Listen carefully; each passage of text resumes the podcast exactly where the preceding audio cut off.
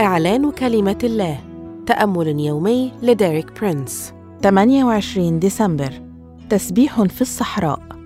هذا الأسبوع يشرح لنا ديريك برينس دعوة الرب لنا أن نقدم في كل حين لله ذبيحة التسبيح أي ثمر شفاه معترفة باسمه.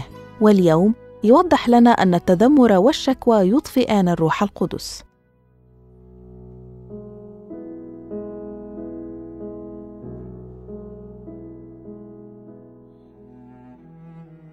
عندما كنت في الجيش البريطاني خلال الحرب العالمية الثانية كنت أخدم في صحراء شمال إفريقيا.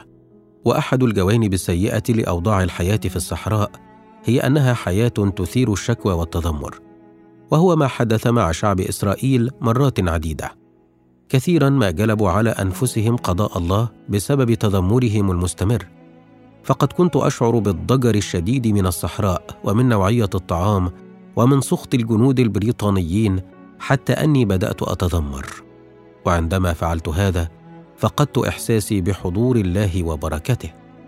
لذا قررت أن أكرس يوما خاصا أصوم فيه وأسأل الرب عن سبب فقداني لحضوره في حياتي.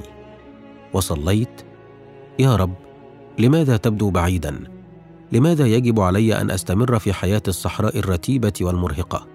وبحلول المساء أجابني الله وتكلم إلي بكل وضوح قائلا لماذا لم تعد تشكرني؟ لماذا لم تعد تسبحني؟ وفي أثناء تأملي فيما قاله لي الله أدركت أني فقدت الإحساس بحضور الله لأني لم أعد أشكره كما كنت أفعل من قبل. وفي الوقت المناسب أرشدني الروح القدس إلى فقرات مختلفة في الكتاب المقدس بخصوص هذا الأمر. كما في تسالونيك الأولى خمسة العدد من 16 إلى 19 حيث يقول: افرحوا كل حين، صلوا بلا انقطاع، اشكروا في كل شيء، لأن هذه هي مشيئة الله في المسيح يسوع من جهتكم. لا تطفئوا الروح. توضح هذه الآيات أنه إذا لم نفرح كل حين ونصلي بلا انقطاع، إذا لم نقدم الشكر لله في كل شيء، فنحن نطفئ الروح القدس. عندما أتذمر وأشكو بدلا من أن أسبح وأشكر فأنا أطفئ الروح القدس في حياتي. يتوقع الله منا أن نقدم باستمرار ذبيحة التسبيح من أفواهنا ليس في قلوبنا فقط. بل ينبغي علينا أن نقدم تسبيحنا بهتاف عن طريق تقديم الشكر لاسم الرب إلهنا.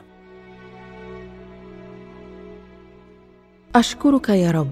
أقدم لك التسبيح. وأعلن أني لن أطفئ الروح ولكني سأفرح دائما وأصلي بلا توقف وأشكر في كل حين وأني سأستمر أقدم ذبيحة التسبيح. آمين.